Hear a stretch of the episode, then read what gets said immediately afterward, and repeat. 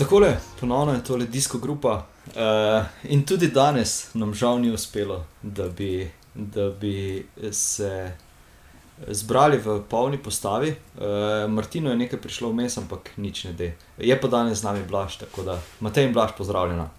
Že. Že, že.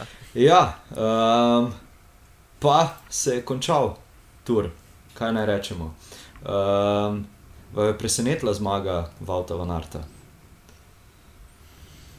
Um, ja, recimo, da je spadal v tisto ožji krok favoritov, ampak um, še zmeraj sem nekako imel v glavi, da bi pa Philipsen danes prišel na svoj račun, um, ki je bil že doskrat blizu, ampak ja, je bil očitno nekdo drug, na katerega je. Uh, Katerega je odlično napovedal, uh, sicer ne na glas, ampak uh, na listku stavnem uroša.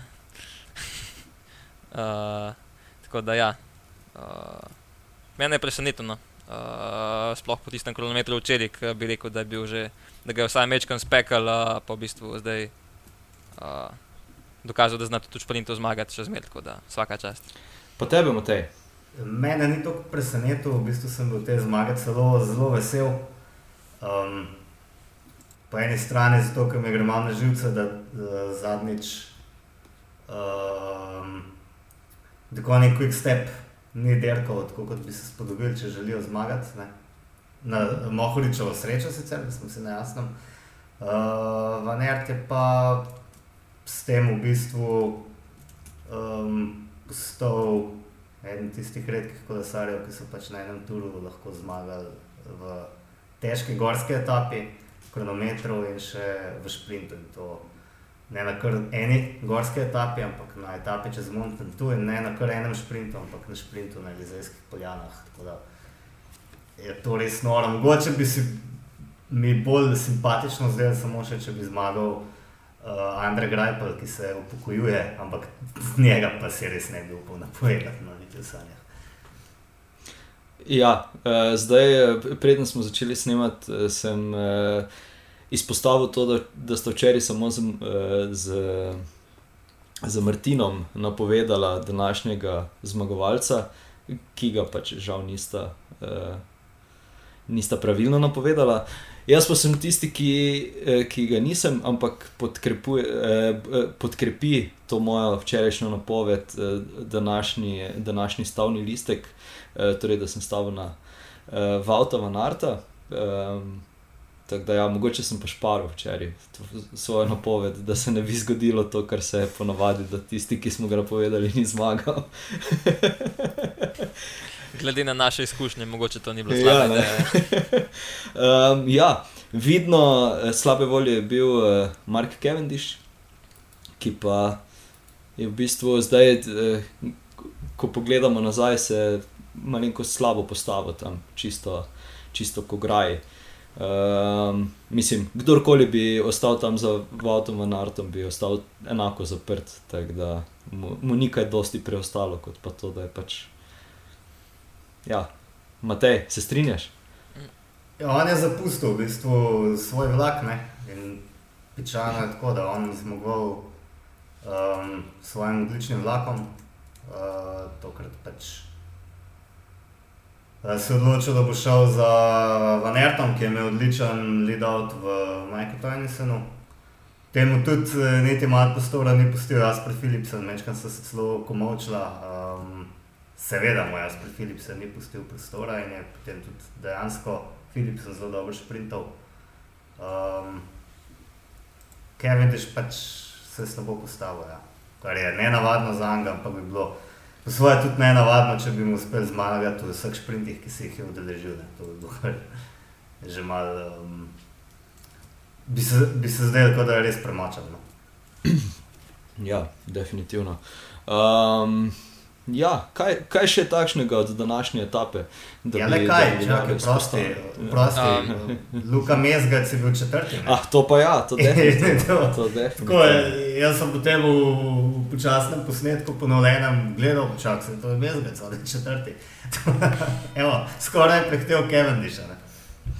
Ja, in potem, potem se malenko sprašuješ, če ne bi na tistem uh, vmesnem sprintu uh, delal lead avto, če bi mu mogoče ostalo še kaj več v nogah, pa bi, pa Ja. bi dejansko uh, zaključil na tretjem ali pa drugem mestu. A pa če bi bil Michael Matthews njegov lead-out, pa bi mogoče. Ja, Ne, ne, to. Tukaj je vprašanje, koliko ima kdo želje Ja, pa ja. motivacije za to, da bo šprintil na koncu. Uh, k- ja, veliko je takih kolesarjev, ne, kot smo že govorili, učel uh, v Velobalu, ne, da so kolesarjev biti zadovoljni s tem, da so pomočniki in jim v bistvu čist nič ne fali ne, in so s tem uh, v bistvu posem zadovoljni. Ja, med njimi je. Luka Mezgec, no, tudi on je. Ja, vsekakor, ne, pomočnik. Ja, ja. Uh, mislim pa, ja, za Cavendisha uh, se bo vseeno lahko kar dobro tolažil zeleno majico. ne. Uh, sicer ja, prišel je, mislim, da čeprav prav, da se ne sme rekorde omenjati, ampak ja, mislim, da je zato, da je štartu s tem v glavi danes. Ampak uh, ja, v bistvu, če pomislimo, ne, uh, če bo hotel podirati rekorde, bo mogel naslednji let prijeti nazaj. Tako da je z vidika uh, nas navijačev mogoče to vseeno boljš, da se to prešpara za naslednji let. Ja, zdaj, če bo uh, tendenca takšna, kot je bila do zdaj, bo mogoče leto 2025 se vrnil, pa ponovno zmagoval uh, šprinter. no. Tudi možno. Um, tako da, ja. ja um, mislim, teh 400 metrov je očitno, uh, oziroma ne da je očitno, več kot očitno je premešalo vse karte, tudi čisto drugačen tip sprinta je bil. Zato je mogoče tudi imel uh, Wout van Aert uh, toliko več možnosti za, za, za to svojo zmago, no, oziroma za to, da se ga je v bistvu glede na to, da je pač ostalo od Jumbo Visme, samo, da so ostali od Jumbo Visme samo štiri kolesarje, ki niso pač nikakor bili zmožni postaviti kakega, kakršnega koli vlaka, sploh če gledamo Jonasa in pa Sepa. Um, tako da ja. Zanimivo. Zanimivo. Nekaj časa je tudi izgledalo, kot da bo Matej Mohorič eh, nekaj poskusil. Mislim, predvsem izgledalo je, da bo on poskusil zaradi tega, ker kol, kolbrelja ni bilo nikjer v bližini, ali sem ga samo jaz grešil. In Tudi nisem, na, kol, na Kolbrelu nisem bil pozoren. Um, ja, ampak uh, gre se pa za to, ne vem, če si predstavljamo. Ne, uh, Recimo pri Mohoriču se je včeraj zelo dobro videl. Ne. En dan prej v bistvu uh, tisti njegov solok pobeg, koliko moči mu je vzel, je rekel, da na, v bistvu vmes na momente ga je bilo strah, če bo sploh prišel uh, pred metlo v cilj. Um, to mu je na koncu uspelo, ne, ampak uh, koliko ti tak pobeg pobere energije, da si jo predstavljamo, da je Vaut 24 ur nada- nazaj um, v bistvu zmagal kronometer, uh, ki je po sami, kako temu rekel, energetski porabi čist drugačen, drugačen tip napora, kot je bilo to danes. Um, in ja, kot smo že rekli, velika ta ne, da toku sestranskega kolesarja res že ni bilo najbrž od, ja, od Edija Merksa, ki se ga zadnje cale toliko časa omenja, pač tok, da bi pa domenili na tolikih različnih koncih, pa v bistvu je pa neverjetno. No. Ja, uh, zgledal pa je vmes tudi uh, tisti, uh, sicer ne vem, kaj je bil točno namen, ampak tisti napad Ineosa. Uh, ja, in, ne, Ne vem. Pač. Tisto je bilo tako neki na pol, kot delajo že cel tur neki na pol. Mene to tako zgleda. ne. Ni bilo, ne, ne vem, niti ne vem, če je bilo to splanirano, so pač rekli, da gremo za foro, ker smo že kleja, ne, pa smo lik spredi bili postavljeni, pa na koncu ni bilo, ni bilo prav delač. Ja, ne vem, ne nas vem, se na je. trenutke tako derkal, kot da so ena pro ekipa, ne, kot ne vem, meni total energijski so tudi enkrat spredaj vlekali, ne vem, v kateri že etapi, pa nihče ni razumel zakaj. Kot Ja. da se ima za sponzorje. Tisti etapi, k, ja. V tisti etapi, ker niso imeli nikogar spredaj, ja, so se potem pač oni postavili v v tisti etapi, ki so AEC Tako, dan ja. lovili, ki so me- ki je bil spredi uh, Van Art in pa uh, Van der Poel, takrat je bilo, mislim, da to. Ja, um, da se še vrnem malenkost na včerajšnji dan. Um, med našim snemanjem sem eno veliko bedarijo rekel, očitno sem jo napačno razumel na Eurošportu ali pa kakorkoli. Torej, Luke Delbridge ne gre na kronometer, to smo včeraj po snemanju takoj pogledali, gre na cestno dirko. S- Sem si prav zapomnil, ne Matej. Ja, Ja. Uh, in pa še malenkost smo, smo imeli težave z zvokom, ker je bila res uh, dokaj, polna, dokaj poln je bil velobar in se malenkost sliši. Uh, bolj goste kot nas, ampak uh, verjamem, da, da, da, da v tistem trenutku mogoče nismo o čem pametnem govorili, pa, pa, pa nam boste oprostili. ja, pa še, Uh, ja, ja, še dobro, še, še dobro, da, še dobro, da ne snemamo danes v komendi, ker sem lih uh, direkt iz tam zdaj le preletu uh, in uh, lahko povem, da tam res norišnica zdaj le taka. Ena oranka veselica in komplementih majic zastav uh, uh, in ostale zadeve, ki pašajo na veselico. Tako da res, je res fajn, tako da tisti, ki ste kje v bližini, pa imate cajt. Uh, Mislim, da lih daš tako da A pijete penino? Vse. Vse, sem videl, da se kar ene par stvari različnih je na izbiro. Okay. Da, Ja, sprašujem zato, ker, ker danes ni bilo penine. za ne. prijatelja. ni, A, ni bilo pa- ni bilo ne, penine, ne. res? Zdaj, Zanimivo. zdaj uh, Bojo v komendi ja, ja, nadal. definitivno. definitivno. Ne, penina ni zato, ker je to arabska ekipa in ne smejo piti Tako je, ja. alkohola. Tako je. Tako da, Bojda. ja. Zanimivo. Čeprav, eh, čeprav nekje je bilo pa rečeno, da se je ta proizvajalec eh, šampanca eh, pritoževal, da je to eh, izlivanje po tleh in vse. Da, eh, čakaj, kako je že bilo rečeno? Ah, ne bom se zdaj spomnil. Da je, da je Ja, pač, da se ne spodobi. Da se ne stilu, ja. spodobi, ja, tako, tako. tako. um, Okay. Ja, Matej, nekaj smo še včeraj pozabili povedati, oziroma ti si rekel, da to bomo pa ziger povedali uh, potem v epizodi, glede uh, majice, ki jo imaš oblečeno. Moja maja, ja. ja. Ne, to, kar ti sam se pohvalim. Jaz se Ja. ne vem, če bom sploh pravilno povedal, uh, ker sem že malo spozabil. Uh, ampak boj, da smo bili v Velobaru pohvaljeni strani uh, ne, nekoga, ki je zadolžen. Predsednik društva oblikovalcev, ne? Predsednik društva oblikovalcev, evo, to, to, to. Tako da, Ja. evo, še vedno so na voljo majice, zdaj, eh, mo mogoče bi mogli samo zeleno umakniti. eh, Zdaj pa.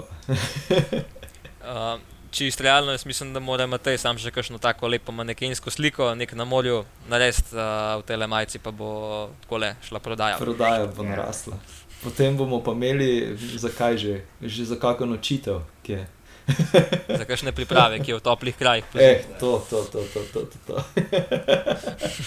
ja, ok, uh, za danes smo rekli, da bomo naredili nek tak eh, pregled tura. Uh, super smo spisali uh, vse oporne točke. Uh, zdaj, Matej, verjamem, da jih ima na papirju spisane, jaz priznam, da jih uh, nimam. Uh, ampak ja, uh, predajam ti besedo, Matej, no, izvoli. Optimist, ne, si pa optimist. Um, ja, ne vem, s čim pa začnemo. Mogoče pač res to absolutno premočilo tega Pogačarja, ki bi mu bil verjetno kos lahko samo Primoš Roglič. In se je to že na prvih dveh etapah videlo, da sta um, močnejša kot vsi ostali pretendenti za rumeno majico, da se tudi drug drugega rečemo, najbolj bojita, bolj sta drug drugega gledala kot zares zderkala na kakšno etapno zmago takrat, ko to sploh še bi bilo čez brez veze, da bi derkala. Uh, tako da mislim, da predvsem to zaznamoval ta tur, ta smola Primoža Rogliča, zaradi katere smo bili malo prikrajšani za um, en res dober fajt za rumeno. Um, Moram reči, da bil meni drug teden skoraj malo dolg čas, ker se ni zgodilo nič. So nas pa zato nagradili no, v vsaki etapi, bodi si ubežniki, bodi si kolesari, ki jih ne bi tam pričakovali, bodi si pač Mark Cavendish. Um, tako da se pravi, to je bil en od tistih turov, ki skoraj nisem mogel stran od TV-ja pogledati, v večini etap. ne. Um, mogoče malo zdaj tukaj pokomentiramo to zgodbo Tadeja Pogačara kot kao naslednika Edija Merca, ker se meni te stvari vedno zdijo tako smešne, ker se o tem govori vsakeč, ko nek mlad kolesar zmaga, uh, potem mediji podivjajo in začnejo vedno s to eno in isto temo, koliko turov lahko zmaga ta in ta kolesar. Glede, kako je mlad, tako se je dogajalo za Egana Bernala ne, leta 2018, ko je tisti tur zmagal v precej čudnih okoliščinah, brez etapne zmage. Uh, pardon, 2019. 2019. Ja, ja. ja pardon, 2019. Ja. Ja. Pa je potem poniknil in potem, gledaj, gledaj, ko se letos pojavi spet na Džiru in dobro derka, so spet mediji podivjali in začeli spet izračunavati, ali je on tak, ki lahko grozi uh, Primoža Rogliča in teda je bla. Tako da se mi zdi, da ko začnemo o tem razmišljati, da bi vsi morali malo ustaviti konje, pa zajeti sapo, pa pustiti pač tudi pogačarju, da sam pokaže, kaj lahko ne pa klepetati o enih stvarih, o katerih um, so samo špekulacije. No. Moram reči, da me take, take članki prav dolgočasijo, no. članki debate in tako naprej. In točno o tem bomo zdaj mi debatirali. Blaž, izvoli, povej. uh, ja, no, um, ne vem, Matej, mogoče bi mogel tiste članke brati, ki imajo take naslovence z velikim črkam, pa šokantno pogledajte, kaj je rekel Primož svojim nasprotnikom. In podobno, me, mene pa to, sem tako zabavno je videti, take stvari, no, ker to so ponavadi kakšni taki mediji, ki ponavadi kolesarce povohajo, ne, ne. Uh, so zdaj vsi glasni, tako da je, ja, ampak gledaj, to je tako. To je tako posotane, se pravi, da smo kolesarska nacija, pol bo, bo košarkaši dobri, bomo košarkaška nacija, tako nekaj čisto normalnega. Um, Ja, v bistvu um, je pa zanimivo, kako se tedaj sploh ne obremenjuje s tem. Se nikoli ni kaj dosti ta pritisk na zelo dobro prenašati, um, že, že od skozi. Um, tako da, ja, no, mogoče zdaj ena anekdota, da če imamo lihcajt uh, iz tistih časov, ko smo skupaj dirkali. Um, se pravi, šli smo v eno dirko, na Hrvaško, sicer noč tazga, posebnega, ni bila neka visoka kategorija. Uh, smo pa šli tako, s kar najmočnejšo ekipo, pa je bil pač tudi, seveda, izrazit favorit. Um, sprav, v tej prvi etapi smo, smo se zmenili, da bomo, bomo napadali v dvojicah in v bistvu nama se je, meni pa tudi se je uspel napad, pa se je odpeljala. In po enih parih krogih je v bistvu je kazalo, da bo prišla do cilja, sem rekel, ja, super, bom, bom drugi, vsaj, ne, pač itak, tudi kapetan bo valjda pač pustil naprej, ne, kaj tak, tako se pač dela. In on mi reče, ne, ne, da bi od taj tvoja, pač pet, kar pobera, ne. Pač meni, tako no. Take stvari, um, mislim, jaz recimo ne bom nikoli pozabil, ne, pa ne zdaj zato, ker je on tudi zmagal, ampak sam zato, ker dokazuje, da se zna v bistvu zahvaliti tistim, ki za njega delajo, tako kot mehanikom, maserjem, um, potem ja, cel ekipi v bistvu za vsak dan posebej um, se je znal zahvaliti. Um, ne glede na to, je bilo to nek, ne, nek vaški kriterij, je bilo to neka svetovna prvenstva zmerja znal v bistvu, um, pač se zahvaliti za delo, ki ga je opravil nekdo drug za njega. In um, jaz take stvari pa ne v bistvu cenim že, že cel cajt, že od takrat, ko smo v bistvu prdečkih skupaj trenirali. No. Zdaj, sicer smo že včeraj to, uh, to omenili, pa se zgražali, ampak vidiš, ni pa želel prepustiti uh, zmage Karapazu, ne, kar bi se vi, po Viginsu spodobilo. Karapaz je v napačni ja, ekipi. No, sej, ja, no, sej, no, sej tudi, uh, ja, to je v svojem, enem izmed svojih podcastov omenil, tisti, ki ga ne smemo omenjati. Ne da bi mogel, ja, mogoče bi bilo za njega pametno, kakšno etapo pre, pre, prepustiti komu drugemu, uh, ker jih iz tega vidika, da pač, če je nekdo domina, dominanten, ga pač bojo probali mediji in vsi ostali potočta. Ne? Ampak, uh, če pa razmišljamo po drugi strani, pač fant je star 22 let in bo zdaj. Se mogo brem, bo mogel bremzati pred črto, zato da bo nekdo drug zmagal, da ne bo on preveč dominanten. To je pač razmišljati, kaj ta zga je neumnost. Da, uh, mislim, da on isto razmišlja in pač. Pa um, ni, ni, ni v kolesarstvu nobenih dalil, razen če si roglič, ajde pa, pa spustiš guduja naprej. Um, Najbrž ga se ima obav tiste karme, ki se mu je zgodila takrat na, na Parizonici. Um, ampak ja, no, vsi so tam zato, da zmagajo in uh, mislim, da je kar za vse isto. Vse to sem hotel reči, da že v bistvu drugič letos govorimo ravno o tem prepuščanju zmag. Um, takrat ravno v primeru uh, Džina Mederja in pa, pa Primoža Rogliča.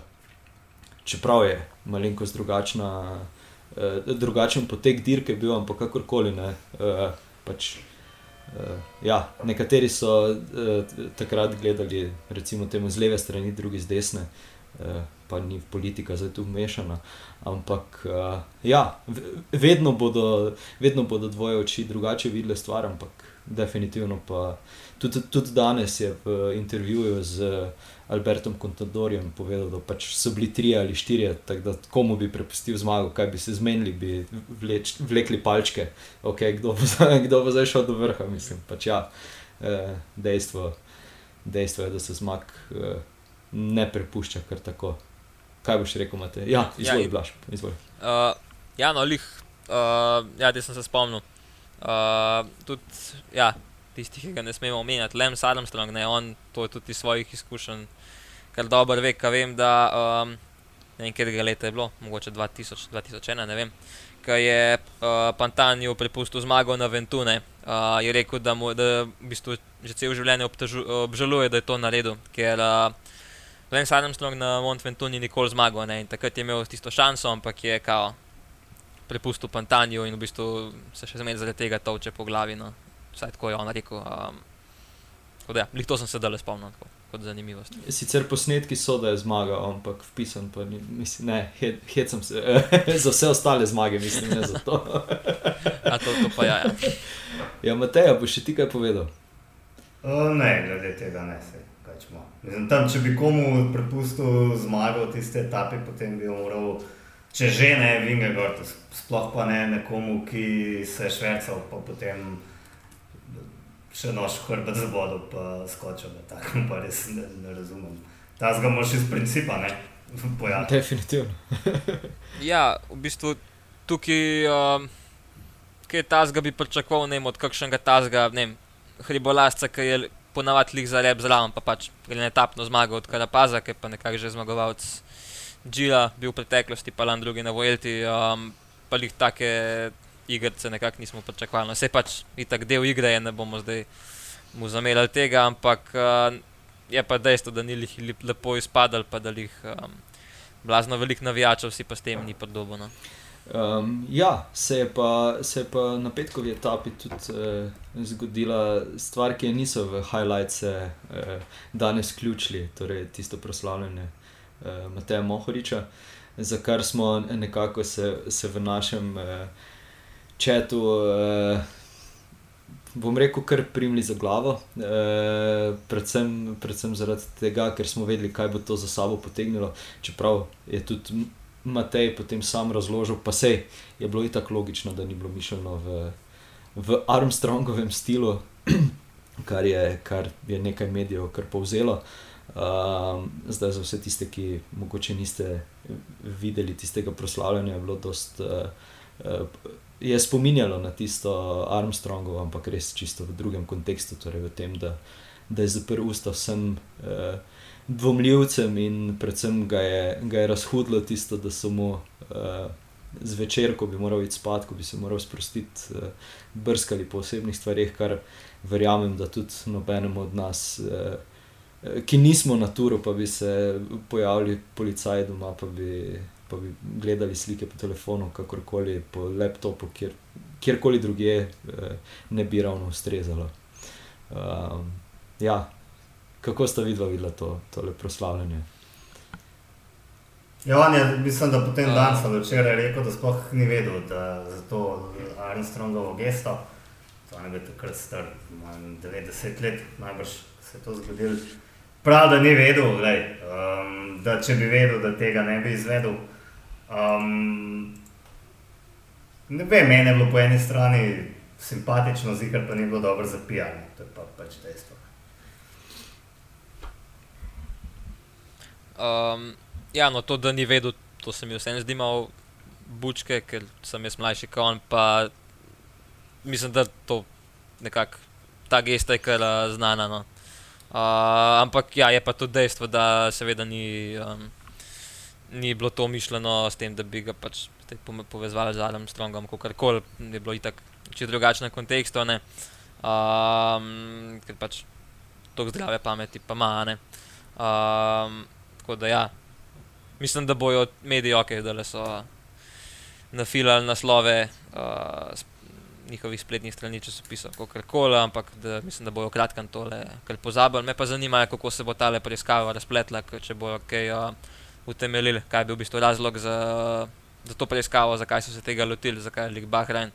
Um, da, se bo, da se bo vedelo malo več, so bile to samo neke lažne obtožbe ali je bilo dejansko kaj, čeprav mislim, da, da bo isto, kot je bilo lani za Kejo Samsung, da so v bistvu ja, isto neke preiskave delali, pa pol v bistvu niso najdel, boh ve kaj.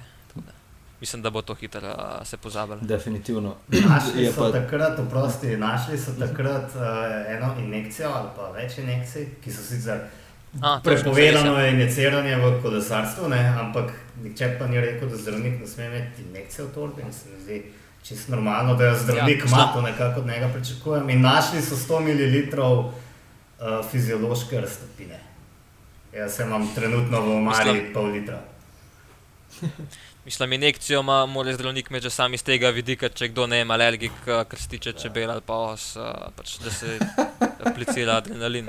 Aha, to je zdaj slučajno tukaj zraven. To je slučajno zato, ker sem delal v tubeless včeraj. Ja, v tej fazi zdaj, če so vse te bodo obtožili. ja. To je res ta konska, veš.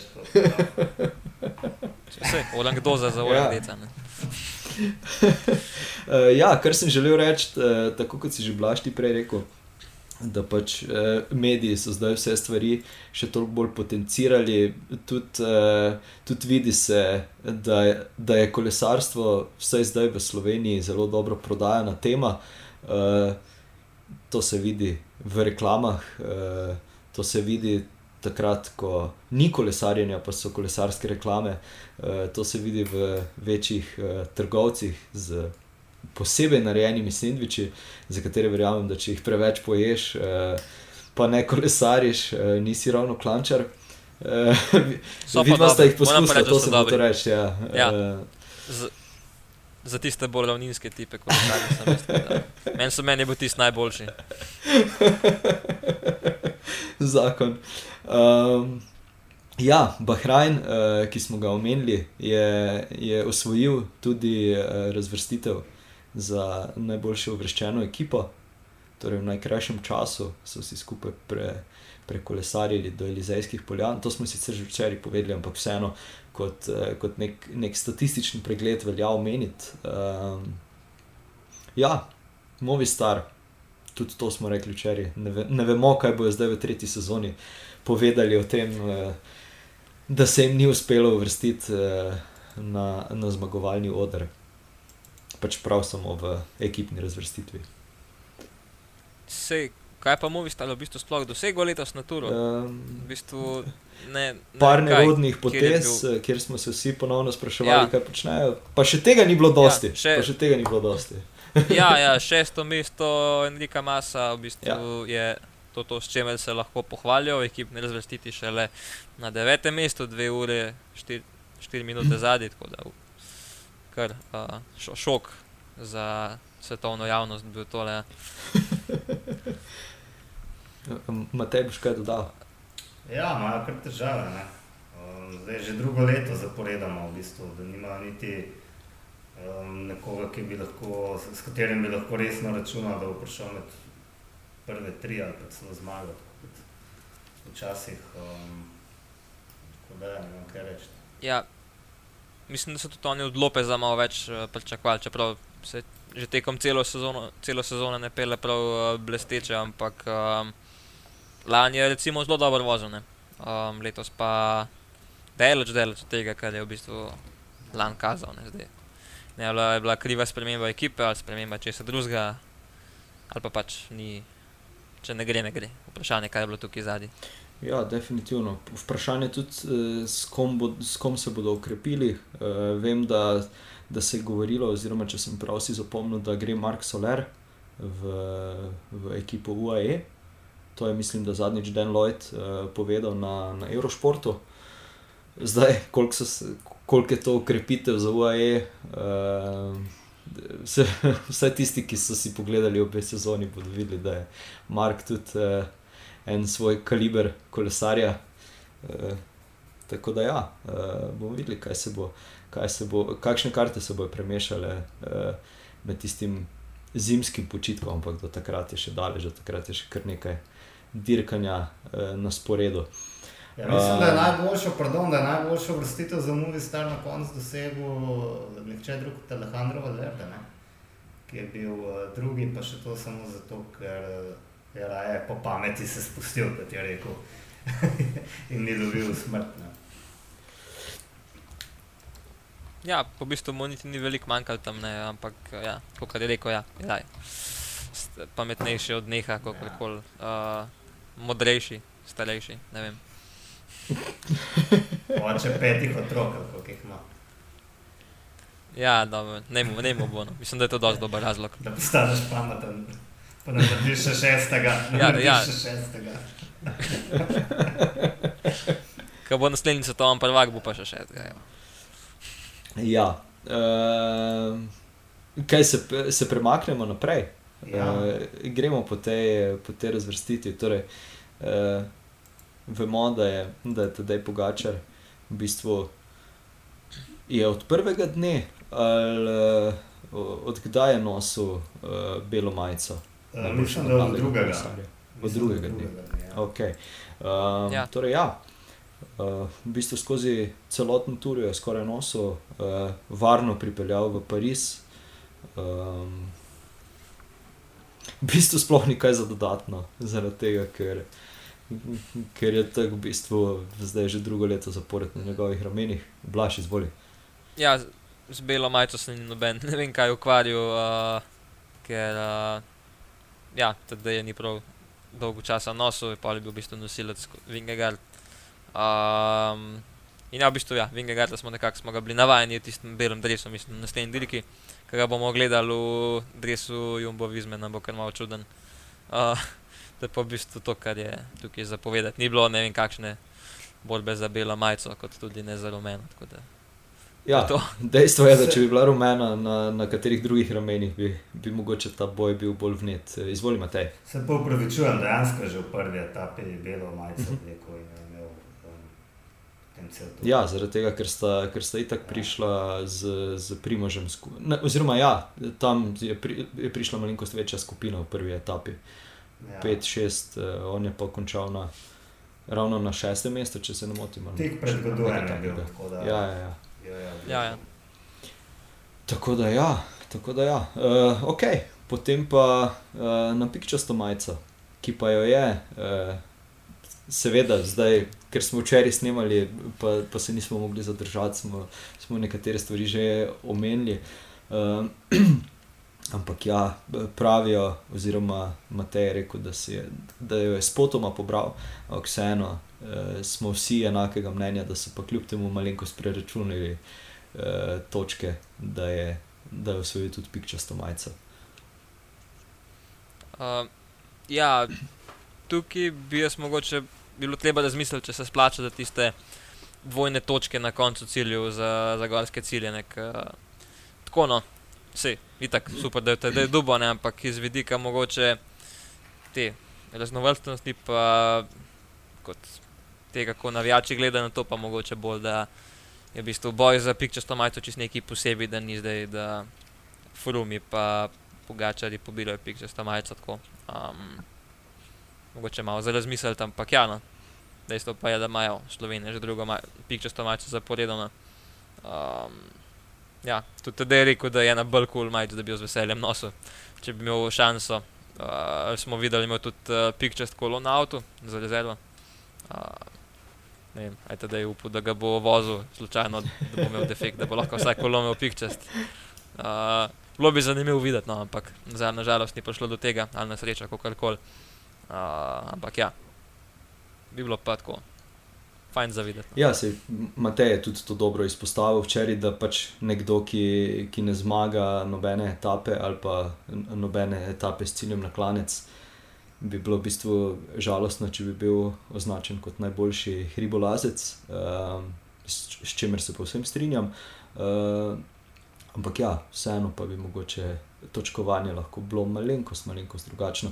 Ker pač vseeno smo videli velik boj za, za pikčasto majico, ki pa je pač potem na koncu. Skoraj v enem dnevu bil pospravljen v žep uh, strani Tadeja, ki se ki se sicer vmes ni kaj posebej. Uh, vse izgledalo je tako, no, da se ni posebej uh, boril za pikčasto majico. Matej, izvoli. Ja, ampak ob enem pa Quintana sploh ne, ampak niti um, Vodpols, niti uh, Michael Woods nista v resnici vtisnili nekega pečata delke, razen tega, da sta nas večkrat zabavali. In bi se mi zdel, ne vidim pikčaste majice kot neke toležilne nagrade za nekoga, ki pač ne more zmagati v generalnem seštevku, pa pa eh, pes, bom šel pa to ne. Jaz mislim, da se je treba pač krvavo priboriti in to tudi zmagami na najtežjih etapah ali pa vsaj z nekimi res dolgimi, dolgimi pobegi. In tega ne en, ne drugi nista zmogla, ne. žal in zaradi tega sta brez ostala. Um, morala bi mogoče pač enostavno biti močnejša. No. Bom se trudila, sta se, ampak nista imela noge. Ne. Ja, uh, da se pa še vrnem nazaj k, Blažove, uh, k, k Blažovem stavku, da, da je tudi tedaj rekel, da je to ena izmed bolj kul cool majic. Je tudi v bistvu ena izmed najbolj prepoznavnih majic uh, dirke po Franciji. Pač Leclerc dejansko zelo dobro poskrbi za promocijo uh, te, tega, kot mu rečejo, polka do Jerseyja. Uh, tudi mislim, da cele trgovine oblečejo to. Pa tudi, ko sem bil v, v Franciji na dirki, zmečejo tone in tone teh majic, ki, za katere vidimo, potem, da jih imajo navijači oblečene ob uh, cesti, uh, pa teh uh, kolesarskih čepic. Uh, tako da, ja, uh, dejstvo je, da, da je to, po mojem, najbolj, najbolj prepoznaven vzorec. Uh, ne bom rekel samo v Evropi, ampak kar na celem svetu. Uh, mislim. Se mi zdi, da tudi tisti, ki ne spremlja uh, kolesarstva uh, tako kot mi, verjamem, da poveže to z, z kolesom, ko vidi ta vzorec. Pa mislim, da se tudi strinjata. Blaž, ki ima, Matej, modro, tiho. ne, se kokar je po svoje grda, ne, mislim, da se ne bi oblekel za nokolone. Žal, tudi ne, vem, ne bi mi prišlo na misel, da bi svoj produkt. Um, uh, izpostavljal vem, z belo barvo in rdečimi pikami. Ampak, ja, če se pa priboriš na ceste, pa ja, je zagotovo kul cool nositi. Je, ti boš bolj ostal pri onem ali drevesu, za katerega ti je blaš, če bi rekel. ja. Posebne priložnosti. Tega, kar je bilo. Se gremo kam da bomo iz principa zdaj obleko, samo da te ne zafrkavaš. Boš videl hudiča, da boš to mogel gledati. Uh, pa še spredi se ti skozi vozil, da, da boš mogel vse čas gledati. mislim, da bom, mislim, da bom defektiral na oba, na sprednjo in zadnjo, vedno, slučajno. zakon, zakon. Ko mi čakam. Ja. Uh, ja.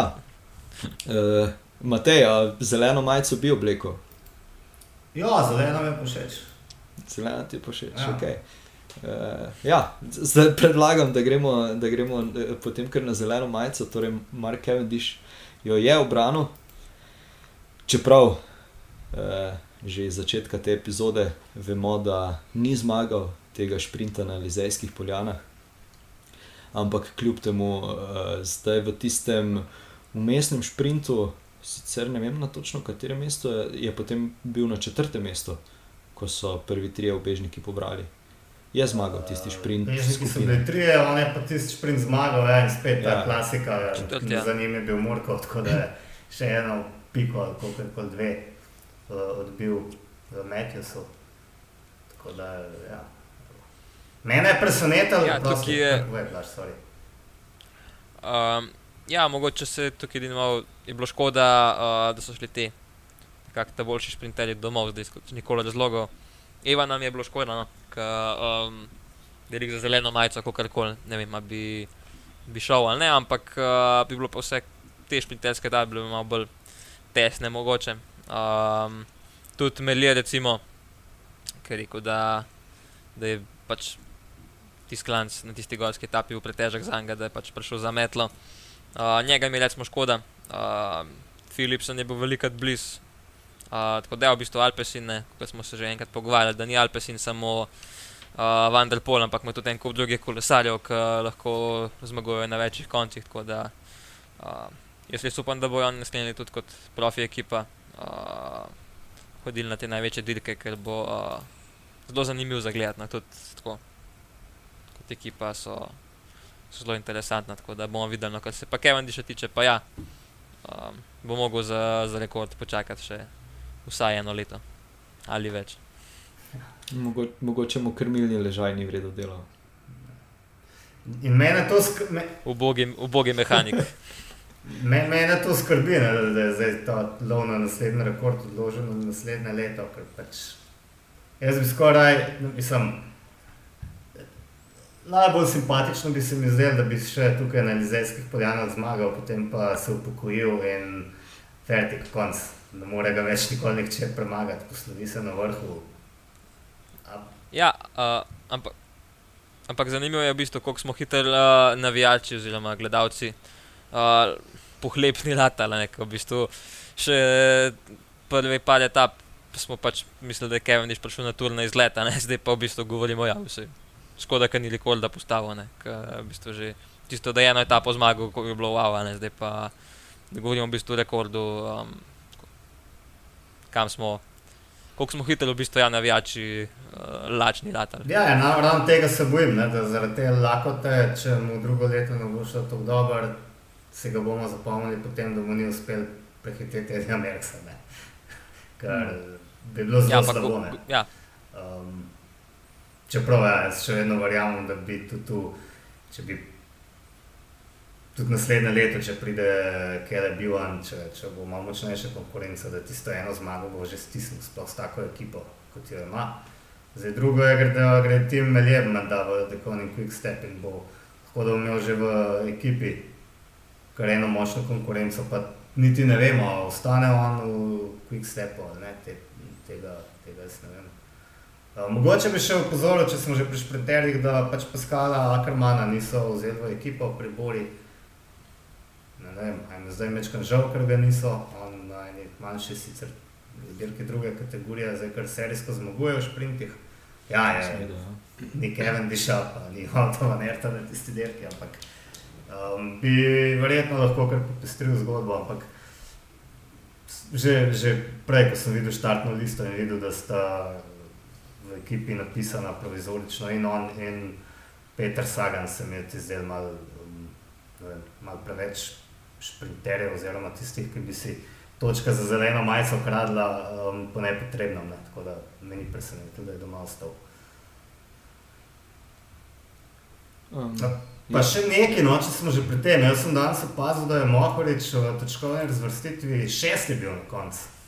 Res je. Pač uspel zmagati dvakrat, ko si bil na voljo 50 točk in uh, evo, dejansko je šesti, torej kar visoko. Sony Colbrelli, Sprinter, pa tretji. No. Ja. Iz Bahrajna. Uh, ja, presenetljivo je tudi, da je Vaut van Art komaj peti, kljub, uh, kljub temu, da je. Uh, ampak res pa je, da je vmes ni, ni zmagal nobene sprinterske etape, kar, kar je tudi, kako hitro sem rekel, sem se spomnil. Da, da je tudi to bilo. Uh, ja, kar sem želel reči, je samo to, da še lahko kje pričakujemo, kakšne butaste komentarje v stilu, da bi bilo treba Marko prepustiti tole 35 zmago na Elizejskih poljanah. ja, Vigins bi rekel, kaj ta je. Ja. Vaner je pa že uh, prej rekel, ko je postalo jasno, da lahko ja, ja. Kevendiš uh, preseže Mercedes rekord, je rekel, da bo storil vse za to, da postane rekord uh, v Belgiji. Dosegel ga sicer je, Kevin, niš ni ga pa presegel. Ja. ja, ampak tudi če Van Alt ne bi bil, pa Philipsen uh, ja. rešil Merksa. Se pravi, Belgijci rešujejo čast.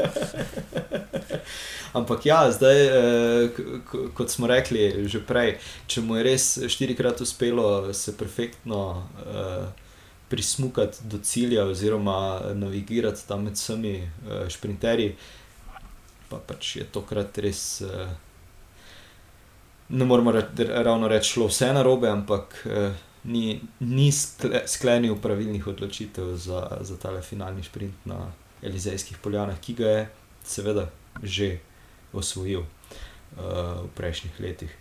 Um, ja, tukaj pridemo pa na rumeno majico, torej na TD Pogačarja. U, pa še, izvoli. Da ne si, imel- to že v planu, še eno malenkost. Ne? Tudi uh, en kolesar je še stopil na oder na koncu v Parizu in sicer uh, najbolj volben Ja, kolesar. definitivno. In cel veliki Kar Franciji. smo itak včeraj že vedeli, kdo bo. Ja, ampak mogoče lahko tudi to omenimo, ne, da, uh, da je bil to francoz Bonamura, Res. ne, ki je s- za ekipo BNB Hotels, ki je vse res, da je bil probavo je, pa je bil v bistvu vedno je bil zraven, ne sicer za zmago vedno daleč od tega, ampak eh, je pa probavo na vse možne načine. Um, tako da ja, z vidika sponzorja njihovega mislim, da je svoje delo kar dobro, dobro upravil, v bistvu je bil cel cajt. Skoraj vsako etapo je bil praktično na, na kameri, tako da mislim, da da njegovi ekipi kar, kar veseli tega. Uh, če pa na koncu na oder stopil še s to rdečo številko, na koncu v Parizu pa, pa še toliko bolj. Definitivno. Definitivno. Zdaj, jaz sem sicer pričakoval na zmagovalnem odru, da si bo odstranil masko, da bo imel vseeno lepo sliko, za, ko, ki jo bo pogledal čez 20 let, ampak se je očitno odločil, da, da, da se bo raje še ob enem spominjal. Uh, Vseh Dobrih ja, starih dobrih starih časov. Um, tako da, ja. Um, smo, pa, smo pa nekako vsi, vsi tudi želeli, da bi mogoče Matej Mohorič osvojil tole uh, Lovoriko, ampak uh, je po moje zaradi dveh etapnih zmag uh, ni. Bom, bom tako špekuliral, no, da so mogoče malenkost eh, pretehtali to dvoje, pa so rekli, ok, itak je že stavno. Mislim, da je bilo odločilno, da je pač komisija eh, izključno francoska. ne. Um, ker včeraj, ne, se včeraj ne, komisija v slovenski sestavi, Blaž, Uraš, Martin in Matej so glasno izbrali v bistvu Mat- Mateja Mohoriča, ne. ker je vendarle tudi on bil vse čas v pobegih in jaz bi rekel, da je izpadel bolj borbeno. ne. Pustite, ampak jaz si Franka Bonomurja nisem prav zelo dobro zapomnil, eh, čeprav sem gledal vsak dan tur. Um, na Ja, koncu si- je bila si teorija, mo- da, da je bil zbran za najbolj borbenega, zato ker je najdlje časa bil v begu. Ampak če potem, če je to glavni kriterij, potem ne vem, zakaj imamo neko komisijo, ne? ker potem pač pogledamo, koliko časa je kdo bežal in ne dobi majico, ne? Mislim, oziroma Ja, to štartno številko, kako koli neko dovoliko. Um, ampak ja, dobro, najbrž se je fant trudil, tudi veliko več mu verjetno pomeni, kot bi Matejo Mohoriču. Bomo pa Moh- Mohoriča vprašali enkrat. um, Če se čuti kaj prikrajšanega. Mogo, Jaz mislim, da se ne bo prav mogoče sekiral. pa je. Eh, eh, ah, zdaj mi je iz glave padlo. Eh, komisija, komisija je sestavljena na tak način, kot, eh, eh, kot radi rečemo, da pač morajo zagotoviti delovno mesto, tako kot javni upravi. Pa, pa pač je zato, je zato skupaj sestavljena in je to. to. Um, drugače pa bo na Murja si, si si mogoče zapomnil, ko je v svojem uh, rodnem kraju mahal navijačem. Ja, se mogoče spomniš. Sicer ne vem, v kateri etapi točno je to bilo, ampak tam je bil v begu in je na tistem klančku. Tudi danes so to posebej izpostavili v, v teh uh, highlightsih. Um, tako da ja, uh, verjamem, da je tu pretehtalo to, da prihaja iz Francije. Uh, pač Matej žal ni moral svojim. Uh, V svojem rodnem kraju mahati navijačem eh, na cesti. Mogoče pa kdaj, ko bo štart eh, v, v Sloveniji, pa trkamo, da se kaj takega res zgodi. ne. Ja, gremo zdaj na rumeno majico, na TD-ja. Sicer smo že kar nekaj povedali uh, o tem, ampak dejstvo je, da, da je bil ključni tisti prvi kronometer in pa potem uh, tisti napad uh, v sedmi ali osmi etapi. Joj, zdaj v sedmi, Osmi. šit osmi, osmi ja. etapi. Ja. Um, ja, tisto je v bistvu zapečatilo celotno dirko. Od tam se dejansko stvari niso nič kaj premaknile. Tudi uh, tud se mi zdi, da, je, da so mogoče ostale ekipe, uh, ok, nekatere so se še so še lizale rane po vseh teh pacih, ampak določene so pa bile kar, mogoče malo krčo, kaj pa zdaj narediti, na kak način ga, na kak način ga ne, more, ne bomo rekli zlomiti, ampak poskusiti se mu približati ali pa ga premagati ali pa kakorkoli spraviti v težave. Pa se to v bistvu sploh do konca tura ni zgodilo, no, lahko tako rečemo. Če, če zdaj izpostavimo tisti Ventu in napad uh, Vingegarda, smo že večkrat povedali, da pač tisto v bistvu sploh ni bil noben, uh, nobena kakršna koli slabost uh, Tadeja, tudi potem lahko rečemo inteligentno dirkanje, da je počakal uh, Karapaza in Urana, da so se skupaj spustili in ga ulovili. Tako da ja, Matej, izvoli. Meni se je zdelo vse skupaj večkrat sagalo, ko so začeli vsi čakati na veter, pa na vročino. Ne. Če to bo pa Pogačarja zdelal, pa zdaj bo to, da ima šibko ekipo, no, da bi razmišljali, kako ga bojo z vlastno močjo premagali. Zdaj, še le ko za nazaj gledam, ugotavljam, koliko so vsi računali na vročino in um, mislim, da je nekdo, Kvetkovski, mislim, da ja, Kvetkovski je rekel, da so tudi zato tako tempo navijali v, na Montventu, da bi ga, ker so upali, da ga bodo v vročini strli. Ne vem, jaz osebno no, sem pa tak človek, da nikoli ne bi računal, da bo nekoga zdelo nek zunani faktor. Ker ne vem, enostavno mislim, da tak šampion, kot je Pogačar se pač zaveda te šibkosti in bo vse naredil, zato da, da ga pač ne bo glih to potovkal.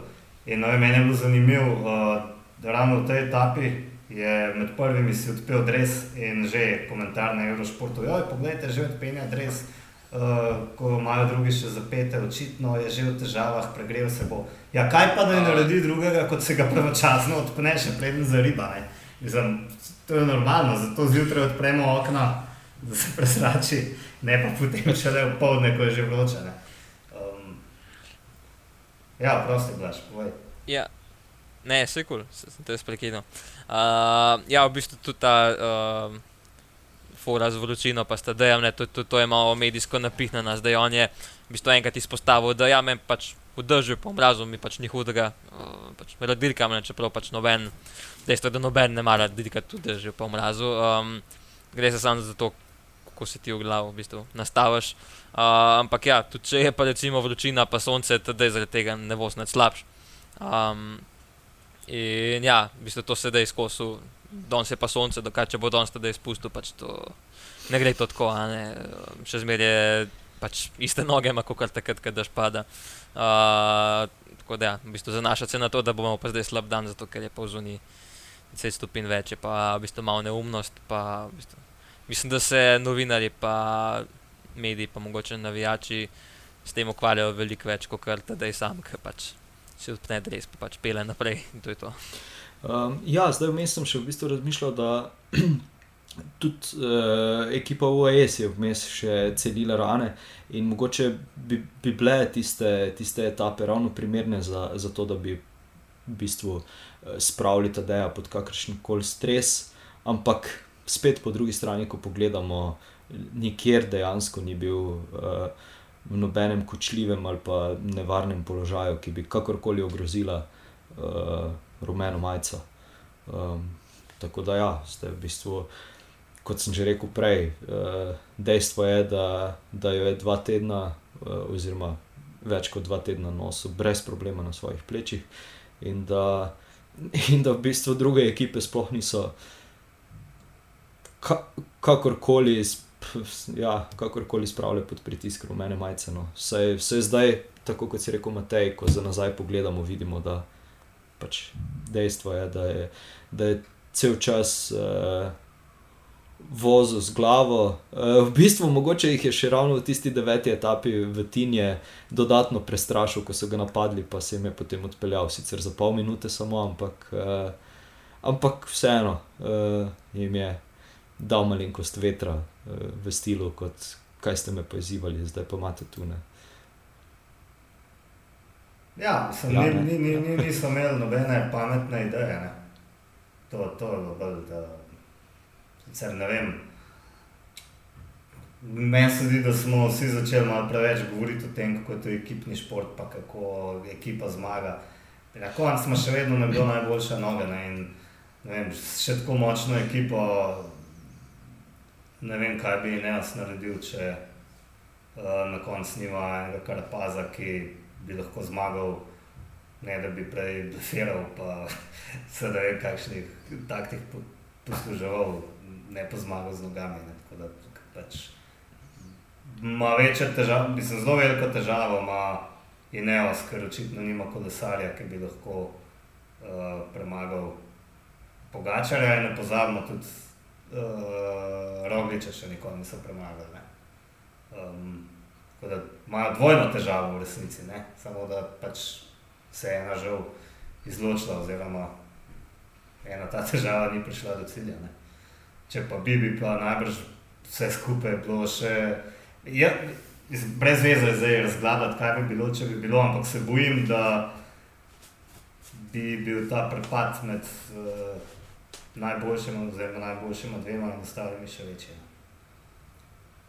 Ja, dejstvo je, da bi, da bi drug z drugim obračunavali, ostali pa bi pač ja. zadaj to lahko gledali.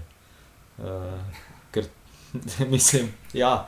E, sicer, sicer zdaj je tako z velikim egotom rečeno, ampak dejstvo je, da doben imel takšnih nog. No. Vsaj, mislim, vsaj vi ne so, e, verjamem, da imajo še kak problem več kot sta to samo e, Tadej in Primož v tem primeru. Bomo pa seveda videli, kaj, kaj se bo zgodilo na Velti. Uh, Tadej je danes že, že malenko zadržano govoril o, o Vuelti, Matej, uh, kar so včeraj razpredala, če, če se bo tja odpravil ali ne. Tako da ja, bomo videli, kaj, kaj bodo prinesle olimpijske igre in potem nadaljevanje uh, vsega skupaj. Blaž, boš kaj dodal? Mm, ja, v bistvu, če pogledamo, recimo, kaj ima pa tedaj to sezono rabše pokazati, ne si. Ker tudi zmagaš, v bistvu nimaš, um, samo ok. Ne bi se seveda branil olimpijske medalje, ne, ampak uh, dejstvo je, ja, enkrat zmagaš, to je pač ostalo sekundarnega pomena, tako da ne vem, lih, da bi se rabo zdaj na vojel to izkazati, um, ne vem, ama v bistvu praktično smisel, ne. Um, sicer, ja, bilo bi zanimivo videti uh, primorža pa tudi spet, kako se točeta med sabo, uh, ampak uh, po drugi strani pa, ali, mislim, stare 22 let, ne mudi se mu zdaj, smo gledali po dva Grand Toura letno, a, sploh že zdaj ne. A, tako da ja, mislim, ne odvostele olimpijske, pa pa. Bomo pa videli, kaj bo. No, sej, eh, jaz sem bolj v mislih to, če imaš eh, kakšno informacijo, koliko si dejansko želi eh, odvoziti, mogoče še, še v Elto ali ja, koliko ga tangira. Um, mislim, želja neki želje, neki so pa noge. Ne, pa okoli sebe ima kar pametne ljudi. No. Tudi Andrej Hauptmann, mislim, da točno ve, kje ima tedaj tisto mejo. Oziroma, če kdo ve, ve on. Tako da, ja, mislim, da jih forsirali na silo, na vsak način, uh, ga ne bo za to vojeltano. Uh, ampak ja, bomo videli. Gre pa v Tokio z eh, letalom, ne, ne z avtomobilom. Ne vem, če ste videli tole. Ta odgovor na vprašanje eh, novinarja eh, se mi je zdel kar, kar, posrečen, eh, kar posrečen odgovor. Eh, a, ste, a ste ga videli, ste, oziroma ja, ste prebrali? Ja, to so res. Še dobro, da ga niso obtožili, kakšne arogance, ampak mislim, ne vem, res kakšno češ da to vprašanje na neumen odgovor. Ampak si videl predstavljati, da odpeljete cel turne, tri tedne, uh, pač vsak dan gonta do nemoglosti, potem greš pa zvečer, eni, pogača, mislim, da gre pa jutri zjutraj, še za 10 uh, eh, ur na letalo in se pelješ v Tokio, v tisto vročino in potem naprej dirkaš. Mene Meni bi pa kar dol padlo, no, vse se mi zdi, da res ne bi tja dobili. Ja, k sreči samo enkrat na štiri, oziroma v tem primeru na pet ja. let. Ne, ne. E, tako da na njihovo srečo. srečo oziroma pač ni, niso vedno olimpijske igre v, eh, v takšnih težkih pogojih, če lahko temu tako rečemo. Sploh pa zdaj. Eh, Kako je naslednjič v Parizu? Mislim, da so naslednjič Pa celo, celo, celo nekaj takšnega. Ja. Ja, ti si pa nova, ne, samo spadli za Ja, takšno en hotel, pa treba iti. Um, ja, uh, sicer se, se oddaljujem zdaj od Tura, ampak uh, nekako vse te uh, novice, ki prihajajo tam iz te olimpijske vasi, niso najboljše, glede teh uh, COVID okužb in vsega ostalega. Tako da v bistvu lahko držimo pesti, da bo vse skupaj sploh izpeljano. No. Uh, nekako imajo kar težave organizatorji. Mislim pa, da kolesari ne Ja, spijo pa- v olimpijski vasi. Ne? To pa je res, njihov to pa je res. Teren druge. Ne? Ampak ja, če bojo je zdaj z glavedi tam, ne vem, lahko še odpovejo vse skupaj. Moram reči, da sploh ne spremljam drugih športov in nimam pojma, kaj se na olimpijskih igrah dogaja. ne. Priznam. Uh, ja, sem pa slišal, ja, da ukrepi so, so kar hudi, lik danes sem govoril z enim izmed novinarjev, smo se v komendi srečali, ja, da v bistvu uh, imaš na telefonu aplikacijo in te čekiraš skozi kje si če greš izven olimpijske vasi, v bistvu greš lahko samo še domov, ker ti akreditacija ne bo več delala, tako da um, ja, v bistvu jaz upam, da bo vse uredeno, sploh z našimi kolesarji, ampak ja, je pa mogoče ne lih idealen timing za olimpijske igre, ampak uh, ja, šest let brez olimpijskih iger je pa že, že malo krizeno, ampak mislim, da, mislim, da bo vse v redu. Pa se, če pogledamo eh, v bistvu ko- koledar eh, vseh uh, dirk, bi dejansko, mislim, kateri koli datum bi izbrali, uh, bi, bi nekako prekrižal načrte za, ali pa prek, prekrižal pripravo za, za kakšno naslednjo dirko. Tako da je kar, kar težko stlačiti še, to, uh, še te olimpijske igre v, na, na splošen uh, World Tour koledar. Um, ja, smo smo še kaj izpustili, smo še kaj pozabili, še velja kaj omeniti, klasično vprašanje. Presenetljivo hitro smo to danes, eh, včeraj se je Matej pošalil, da danes bo pa tri urna epizoda. Eh, pa verjamem da, verjamem, da če bi se jutri dobili na enako temo, da bi povedali še, še kakšne dodatne stvari. Ampak ja, eh, če pod črto pogledamo, so prvi teden dejansko zaznamovali tisti hudi paci, odstopi, vse ostalo. Drug teden, kot je rekel Matej, nas je razveseljeval, predvsem Mark Cavendish. eh, In pa zdaj v tretjem tednu je tudi eh, sicer bil ognjemet, ampak vedno v znamenju to, da je pogačarja. Dobenemu ni uspelo uh, tistega, kar so si morda želeli, uh, kar so morda pričakovali, ampak dejstvo je, da se mi zdi, da doben ni upal niti pomisliti na to, da bi pridobil tistih uh, pet minut in pol nazaj, pa da bi se karkoli, uh, da bi karkoli streslo uh, rumeno majico z tedajevih pleč, če se strinjate. Ja. Ja, potem pa so na vrsti trivije vprašanja, da ste kaj pripravljali. Mm, ja, jaz v bistvu um, Ne. mislim, vprašanje bolj kot, kot zanimivost, mogoče. Okay. Uh, Kakorkoli. V bistvu tedej uh, je prvo leto med mladinci, starejšimi, seveda, dirko eno vo- zelo močno dirko v Švici za pokal narodov. Um, in uh, ja, v bistvu. To ni vprašanje, to je lahko kot zgodba. Uh, ne, lik dole sem idejo dubo, ker sem še čitela njegove rezultate. Ja. Da v eni izmed etap uh, v bistvu je uh, ni zmagal, ne. Uh, ni tedaj od zmeraj zmagoval, ne, ker uh, je, seveda, pač skozi bil tam neki zraven, ni pa v bistvu nizal zmage že od dečkov C, serijsko na vseh koncih, ne, ampak je v bistvu ta njegov napredek bil nekako postopen. Uh, da je prišel do tega nivoja, kot je zdaj. Ampak ja, no, tukaj dlih na tej dirki se spomnim, uh, da je v bistvu prišel uh, v eni izmed etap tik pred metlo, se pravi, bil je zadnji kolesar na cesti. Um, ja, tako da v bistvu takrat bi lahko vse skupaj vrgel nekam. Ne? Uh, ampak ni v bistvu že naslednji dan zelo dober vozil, mislim, da je bil šlo v 10. Uh, ja. Uh, in ja, tako da.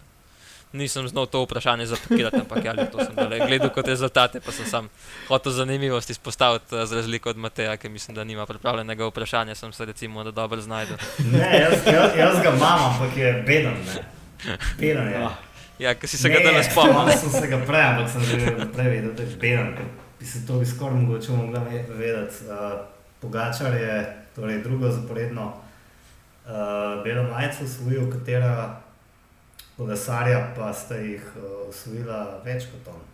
Koliko? belih majic. Belih majic za najboljšega mladega kolesarja. Šlek, kontador. Uh, ja, en čisto šlek, pamet. absolutno. Od leta 2008 do 2010 in leta 2010 je bil pod diskuja, oziroma ko so črtali rezultat uh, Contadorju celo zmagovalec. Uh, ampak še eden je. A to je kakšni bližnji Uh, ja, relativno bližnji, bil si 1800. že rojen, se mi zdi. Koliko si ste mlade? Bil sem Ja. že rojen. 99.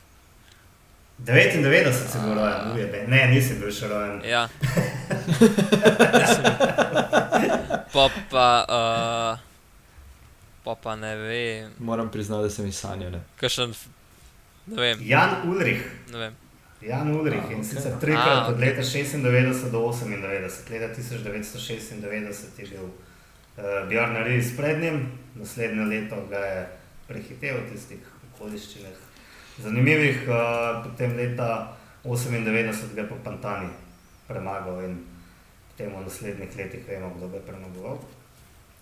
Um, pa dva sta pa po dvakrat no, uh, uspela belo majico obleči še poleg uh, Pogačarja, to sta bila pa Pantani, leta 95 pa 96, uh, pa Quintana, potem leta 2013 in 2015.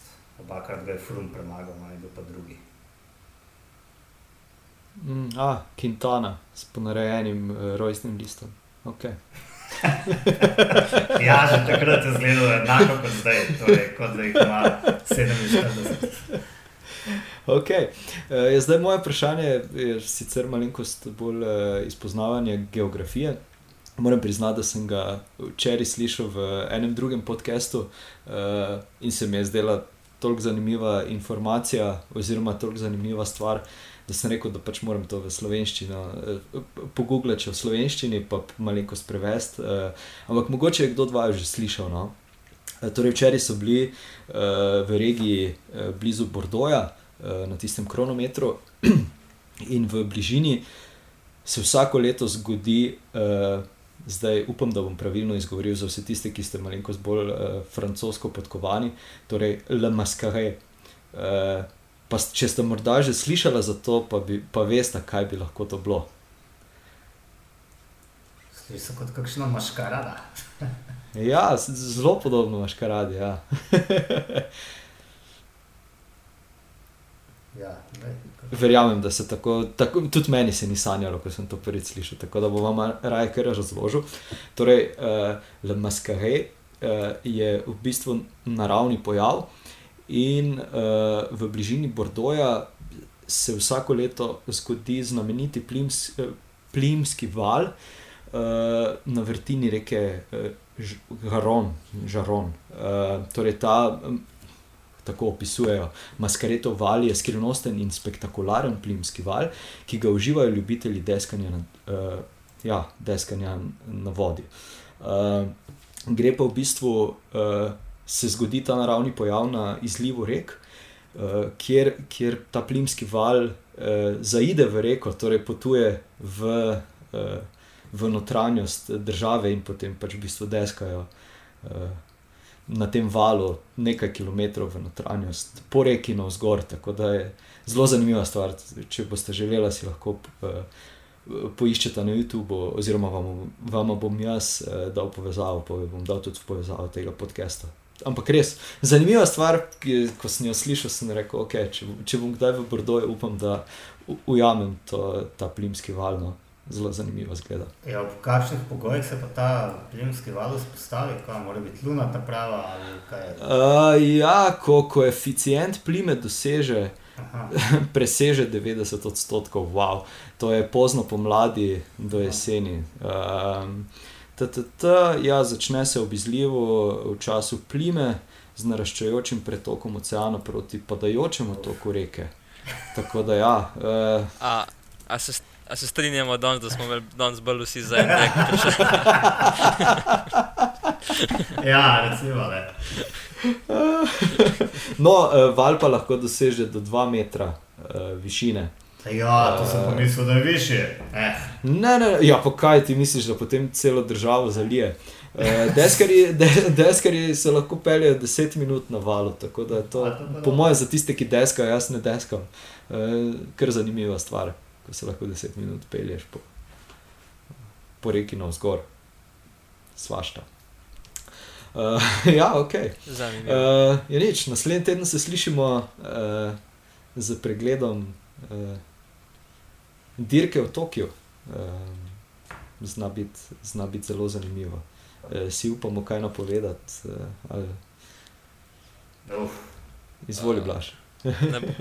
Uh, ne, jaz sem hotel samo vprašati, ob kateri uri pa je, oziroma po našem času, kdaj bo treba vstati, kakšna tri- normalna ob ura. ali bo t- dejansko- 53 minut se začne, pa nekje okoli. Uh, to sem gledal za prenos, no? da se ob Aha. 10 do 4 Ja, ja, ja. zjutraj začne, pa da do 11 in nekaj traja prenos. Zdaj pa sklepam, da so potem še podelitve in vse ostalo. Uh, Aha, Kako bomo zdržali? to, to bo To šlo. bo to znosno. bo ja. šlo. Tako da ja. Okay. Uh, ja, nič, potem je to to, pa se slišimo naslednji teden. Čau, čau, adijo. Živa. Hvala, Čau. slišimo. Ajde, čau.